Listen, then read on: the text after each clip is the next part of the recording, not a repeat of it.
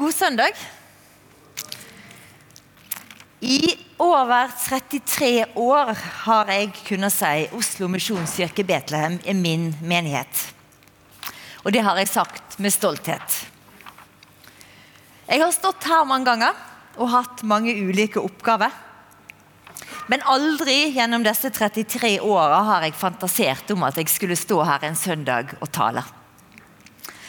Overraskelsen var derfor stor da spørsmålet kom i fjor høst. Og jeg tror deg hvis du òg sier at du ble overraska. Men overraskelsen til tross Jeg kjente at det var et spørsmål jeg ikke kunne si nei til. Og når jeg ikke kunne takke nei, så måtte jeg jo takke ja. Så da står jeg her. Og jeg skal starte med å ta dere med tilbake til julaften. Under juletreet i oss lå det ei flat, uh, ganske flat og hard pakke. På pakkelappen sto det 'Til familien vår'. Og inni var det et puslespill. Med tre voksne sønner er det ganske lenge siden sist det var puslespill under juletreet i oss. Dette puslespillet hadde alle tegn på å være et helt vanlig puslespill. Du vet, Haugevis, tusenvis sant? med brikker Eh, mange farger. Eh, de ser ganske like ut, men de er ikke like. Men de hører sammen. Dette skal jeg komme tilbake til. Men nå er det to eh, måneder sant, siden øh, jul. To måneder siden sola snudde. Og vi har fått sollyset mer og mer åpenbart for oss dag for dag og veke for veke. Og det er to måneder siden Jesu fødsel. Og Kirkeåret sine tekster har veke for veke vist oss mer og mer av hvem Jesus er som sann Gud og sant menneske. Noen av tekstene har blitt tala over her fra talerstolen, andre ikke. Så jeg skal ta dere med et, på et lite tilbakeblikk på disse tekstene fra vekene som har gått siden jul. Det starta 8. januar med en tekst om babyen Jesus født av Maria. En vanlig sant, guttebaby å se til. Men hans fødsel var fulgt av særs uvanlige tegn. Vi har sett ei stjerne gå opp, sa vismennene, og forsto at profetiene var i ferd med å bli oppfylt. Messias var født. En helt vanlig guttebaby. En helt uvanlig guttebaby. Sann Gud og sant menneske. Jesus vokste opp og kom som andre mennesker til Johannes for å bli døpt. Teksten forteller at himmelen åpna seg. Guds ånd kom ned som ei due, og Gud talte 'Dette er min sønn'. Det som først så ut som en helt vanlig dåp, utvikla seg til en helt uvanlig dåp. Jesus levde blant folk flest, og levde vel som folk flest. Både han og disiplene var invitert i et bryllup. Stemninga var nok god, og gjestene var nok flere enn de hadde venta. For vinen tok slutt. Og Jesus gjorde der sitt første under. Vann ble til vin. Det som starta som et helt vanlig bryllup, utvikla seg gjennom Jesu handling til et helt uvanlig bryllup. I den neste teksten møtte vi Jesus og følget hans på vei til Jeriko. Langs veien satt det en blind mann. Noen der i følget til Jesus ville jo beskytte og skjerme Jesus for denne brysomme blinde mannen som tiltrakk seg oppmerksomhet. Men Jesus ville det annerledes. Jesus hadde tid, og Jesus var direkte. Hva vil du jeg skal gjøre for deg? Mannen fikk synet igjen, og det som starta som en helt vanlig dag på veien til Jeriko, snudde gjennom Jesus til en helt uvanlig dag langs veien. Tida går. Folk samler seg mer og mer om Jesus. Jesus fortalte lignelser til store folkemengder og forklarte mang ens betydning for disiplene. Dere er gitt å kjenne Guds rikes hemmeligheter, sa han til dem. Jesus likte å ta disiplene med seg opp i fjellene. Og Sist søndag hørte vi om Peter, Jakob og Johannes som var med Jesus på en av de mange fjellturene. I utgangspunktet en helt vanlig fjellretreat, men samtidig en høgst uvanlig fjellretreat. For ei lysende sky viste seg, og ei røst lydde ut fra skya. Dette er min sønn. I han har jeg mi glede. Høyr han. Nå er vi der i historien at Jesus forbereder disiplene på det som skal skje i påskehøgtida og i tida etterpå. Jeg går til Han som har sendt meg, sa Jesus og fortsetter. Talsmannen skal komme. Så vendte Jesus seg til himmelen, henvendte seg til sin himmelske far og ba. Og Et utdrag av den bønna har vi hørt lest i teksten for i dag. Har man studert teologi, så er det jo her man skal komme med tre punkt. Jeg har studert medieteknikk og journalistikk, så jeg eh, kan stille spørsmål. Um, I møte med teksten stiller jeg meg spørsmålene Hvem er det Jesus ber for? Hva er det Jesus ber om? Hvorfor ber Jesus om dette? Hvordan er det Jesus ber og hvor er bønnesvaret? La oss starte med det første først. Hvem ber Jesus for? Dagens tekst henter fra kapittel 17 i Johannes evangeliet. Og I vår bibel har dette kapittelet fått overskrifta 'Jesus ber for alle sine'. Han ber konkret for disiplene som han har rundt seg, og han ber konkret for alle som vil komme til tro ifra den dagen og framover. Bønna han ba, gjelder òg de som per 19.2.2023 tror på Jesus. Den omfatter meg, og den omfatter deg som tror. Jesus ba for oss. Jesus forutsatte jo også i denne bønna at nye mennesker ville komme til tro. Og han slo fast at nye mennesker ville komme til tro gjennom ord delt av disiplene. Med andre ord var disiplene sine ord viktige for nye menneskers frelse. Og Da er det nærliggende å tro at våre ord òg er viktige for nye menneskers frelse. Jesus ba for deg, og Jesus ba for meg. Så hva er det Jesus ber om for oss? Litt tidligere i kapittelet, i vers 11, ber Jesus Hellige Far, bevar dem i mitt navn, så de kan være ett. Og i vår tekst må de alle være ett. Det er uendelig mye Jesus kunne bedt om på vegne av disiplene der rett før de skulle ut i tjeneste på egen hånd. Han kunne jo bedt om god helse, god økonomi, tålmodige ektefeller, veltalenhet fravær av sjøsyke, massevis av under og tegn. Det er mye de kunne trengt. Men det han ber om, er to ting. At de skal bli bevart, og at de skal være ett. Store norske leksikon forklarer at en enhet i samfunnsvitenskapelig forskning er et undersøkelsesobjekt som de samler inn informasjon eller data om. Altså Alle de som tror på Jesus, er en helt opplagt enhet. En helt vanlig enhet innen den forståelsen. Men det er jo ikke en hvilken som helst enhet Jesus ber om. I bønna til sin himmelske far ber han du i meg, jeg i deg, øh, deg i oss, jeg i deg. Vi snakker tette, sammenvevde relasjoner og forbindelser som ikke lar seg forstå helt med den menneskelige tankegang. Og vi snakker enhet langt utover definisjonen i Store norske leksikon. Enheten vi snakker om, omfatter alle kristne. Det er ikke enighet det står om, men en enhet der noe holder oss sammen, til tross for forskjeller. Disiplene var ikke så mange. og de levde tett på Jesus. Men sjøl blant de få så Jesus behov for å be om enhet. Jeg ser for meg at det var ikke bare fryd og gammen i gjengen. De var jo en ganske sammensatt gjeng, og de dro kanskje litt i ulike retninger. Peter var jo til tider over gjennomsnittet høy på seg sjøl. Thomas tvilte.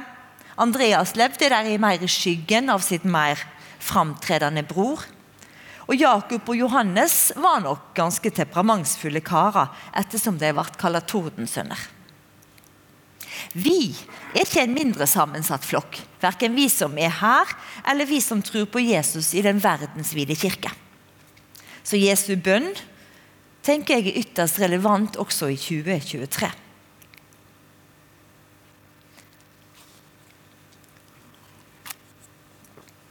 Hvorfor ber Jesus som han gjør? Svaret får vi direkte i teksten. Må de alle være ett, for at verden skal tro, tro at du har sendt meg. Det har en tydelig hensikt å være ett.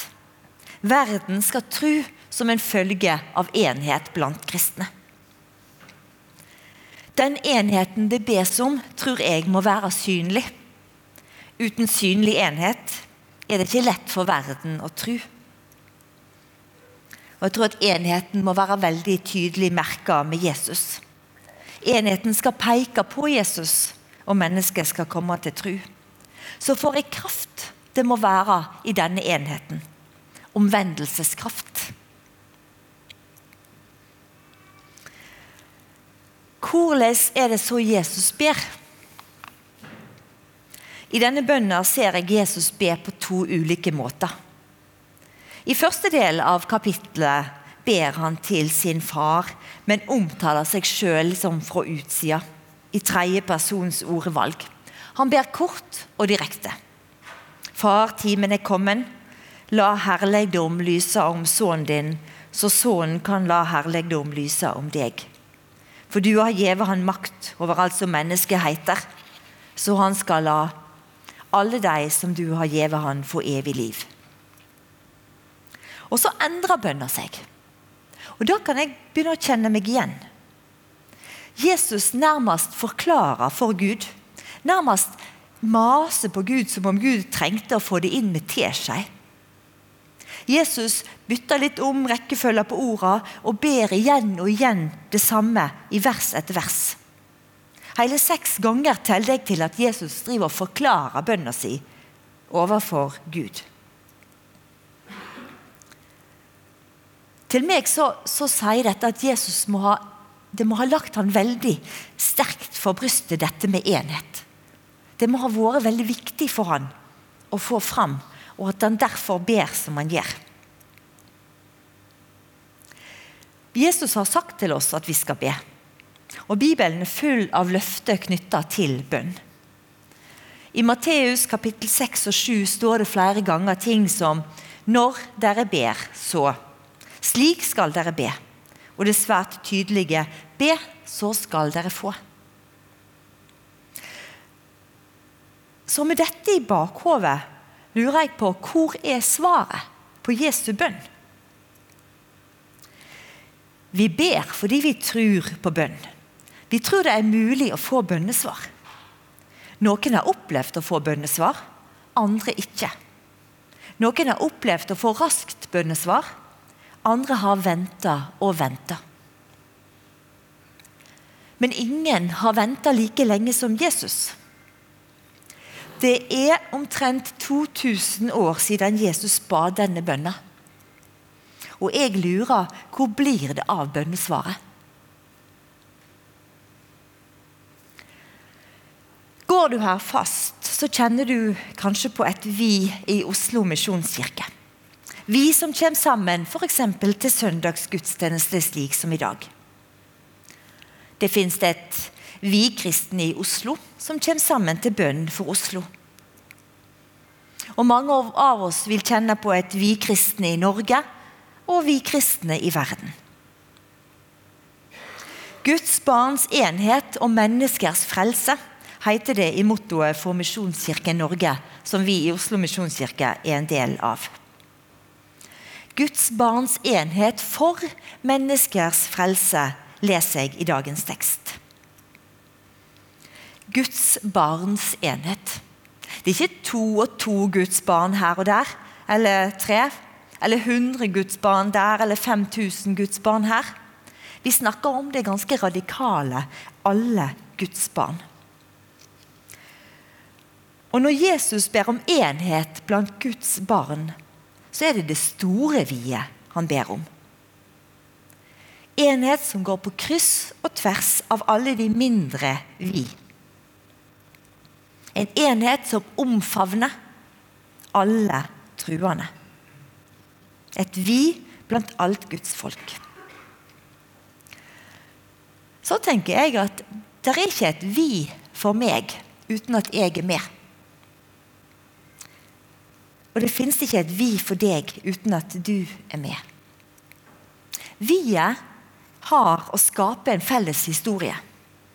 Da er det ikke din historie eller min historie eller deres historie, men det er vår historie. Vår historie som Jesu disipler starta i Bibelen. Og akkurat med disiplene. Og akkurat nå er vi der i vår historie at vi er blant de som har kommet til tru Gjennom de som kom til tru, gjennom de som kom til tru osv. Helt bakover til gjengen som var samla der sammen med Jesus den dagen han ba.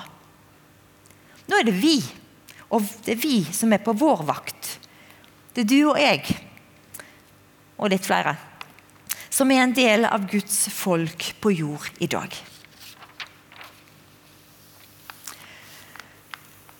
Og Når det fins et vi, fins det alltid, alltid også et de etter deg. Og Er det noe vi er flinke til, så er det å sette hverandre i bås. Også som kristne brødre og søstre. Vi graderer, tommel opp, tommel ned.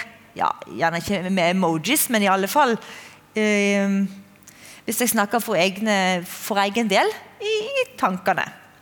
Eh, og noen ganger i tale. Og fortellinger om ulikheter, forskjeller, motsetninger får lett vokse fram. Og bønnesvar på Jesu bønn lar vente på seg. Mens jeg jobber med denne teksten, har det kommet til meg igjen og igjen Kan det være at du og jeg er en del av bønnesvaret på bønna som Jesus ba? I Efeserane 2,10 leser vi For vi er Hans verk, skapt i Kristus Jesus til gode gjerninger, som Gud på forhånd har lagt ferdige for at vi skulle vandre i deg. Jeg tror vi alle kan være med å gjøre en forskjell gjennom det Gud har gitt oss, og gjennom det Gud har skapt oss til. På kryss og tvers av alle de kristne vi og deg, så kan vi snakke med hverandre, ikke om hverandre. Heie på hverandre, be for hverandre, besøke hverandre, forsvare hverandre og stoppe hverandre i å snakke ned andre. Han, Jesus, sann Gud og sant menneske, ba for oss. Bevar deg i ditt navn. Må de alle være ett, for at verden skal tro at du har sendt meg. Hvordan kan så bønnesvaret se ut? Hvordan kan dette med enhet se ut?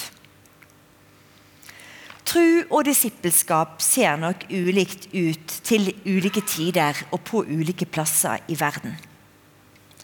Men i mitt hode har dette med enhet noen likhetstrekk med et puslespill. Og nå skal vi tilbake til julegava vår. Hvis en av de som skal pusle, har strategien å pusle kantene først. Og en annen gjerne vil pusle etter farge. La oss si vi tar det gule først, og så det grønne. Ja, Da blir det fort dårlig stemning. Det blir også fort dårlig stemning hvis det er flere som absolutt vil pusle deler av dette puslespillet helt alene. Går samarbeidet trått, går gjengen lei, og bildet blir ikke ferdig. I pusling er dialog og samarbeid en nøkkel til suksess. I alle fall hjemme i oss. Puslespillet kan representere enhet i seg sjøl. Samtidig kan den være et bilde på alt vi skal gjøre og være sammen som disipler i dag.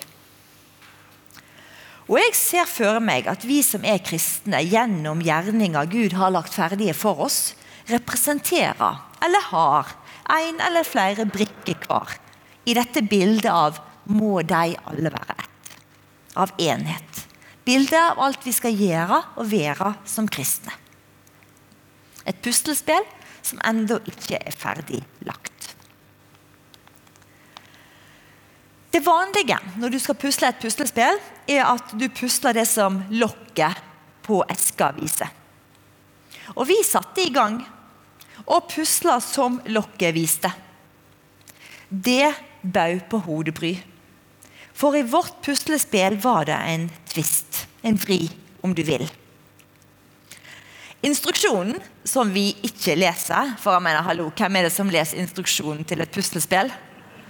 Den sa ikke pusle det du ser, men pusle det den gutten ser. Der han står i døråpningen bak far sin og sperrer opp øynene. Jeg undrer meg på om dette med enhet også har en tvist. Det er ikke det jeg ser og tenker om enhet blant de truende som gjelder. Når jeg inntar perspektivet 'jeg ser', setter meg sjøl i sentrum. Mens plassen i sentrum tilhører Jesus. Så kanskje tvisten er å innta Jesus sitt perspektiv og forestille oss hans bilde av enhet. Den øvelsen, hvis vi kan kalle det det, utfordrer mitt syn på kristen enhet. Tilbake til gutten. For vi kan lett forestille oss noe av det som gutten ser. Vi kan nok være enige om at der fra guttens perspektiv så ser han den pakka som vi òg ser. Den røde pakka med stjerne og gullbånd som ligger på gulvet. Men vi skjønner at det er noe mer han ser. Vi skjønner bare ikke helt hva det er for noe. Med kunnskap om et rom og hvordan et rom er konstruert, så kan noen av oss foreslå at gutten blant det han ser, må det være et vindauge. Ikke utenkelig at det er et vindauge i synsfeltet til gutten. Men tar vi et annet perspektiv, og utgangspunkt i at eh, alt tyder her på at det er jul. Eh, det er, ting tyder på at det er på natta. Pakkene er ikke åpna. Og noen av oss kunne mene at blant det gutten ser, er julenissen. Det skal ikke så mye til før vi tenker ulikt om resultatet. På samme måte tror jeg det er med enhet. Vi kan forstå og forestille oss noen sider av kristen enhet. Og vi kan praktisere noen sider av kristen enhet. La oss si fellesmøter i pinsehelga, som vi som menighet pleier å være med og arrangere. Samtidig aner vi, når vi ser rundt oss både i Norge og i verden, at vi ikke ser alt. Altså at det må være noe mer. Uten at vi helt vet hva dette mer er for noe. Vi har en rekke brikker til å bygge enhet med, vi som er her. Andre kristne har sine brikker. Og når vi ikke helt vet hvordan dette vi skal pusle, bygge, lage sammen, ser ut, så må vi samarbeide mer og samsnakke mer. Mer og mer igjen og igjen. Som Jesu etterfølgere tenker jeg vi må søke Jesus sitt perspektiv og be om klarhet til å se enhet. Alle kristne er en helt vanlig enhet etter definisjonen i Store norske leksikon. Og en helt uvanlig enhet. En enhet bestående av alle truende mennesker i en gudegitt enhet som skal vise andre mennesker hvem Gud er. Jesus ba i bønn uten utløpsdato. Vi kan være sikre på at Jesus også ba for deg og meg. Bønnesvaret kommer nok litt etter litt. Gud jobber med oss alle. Og vi skal få være med og pusle videre og bygge enhet. Jesus ba må de alle være ett, med hensikten verden skal tro at du har sendt meg. Amen.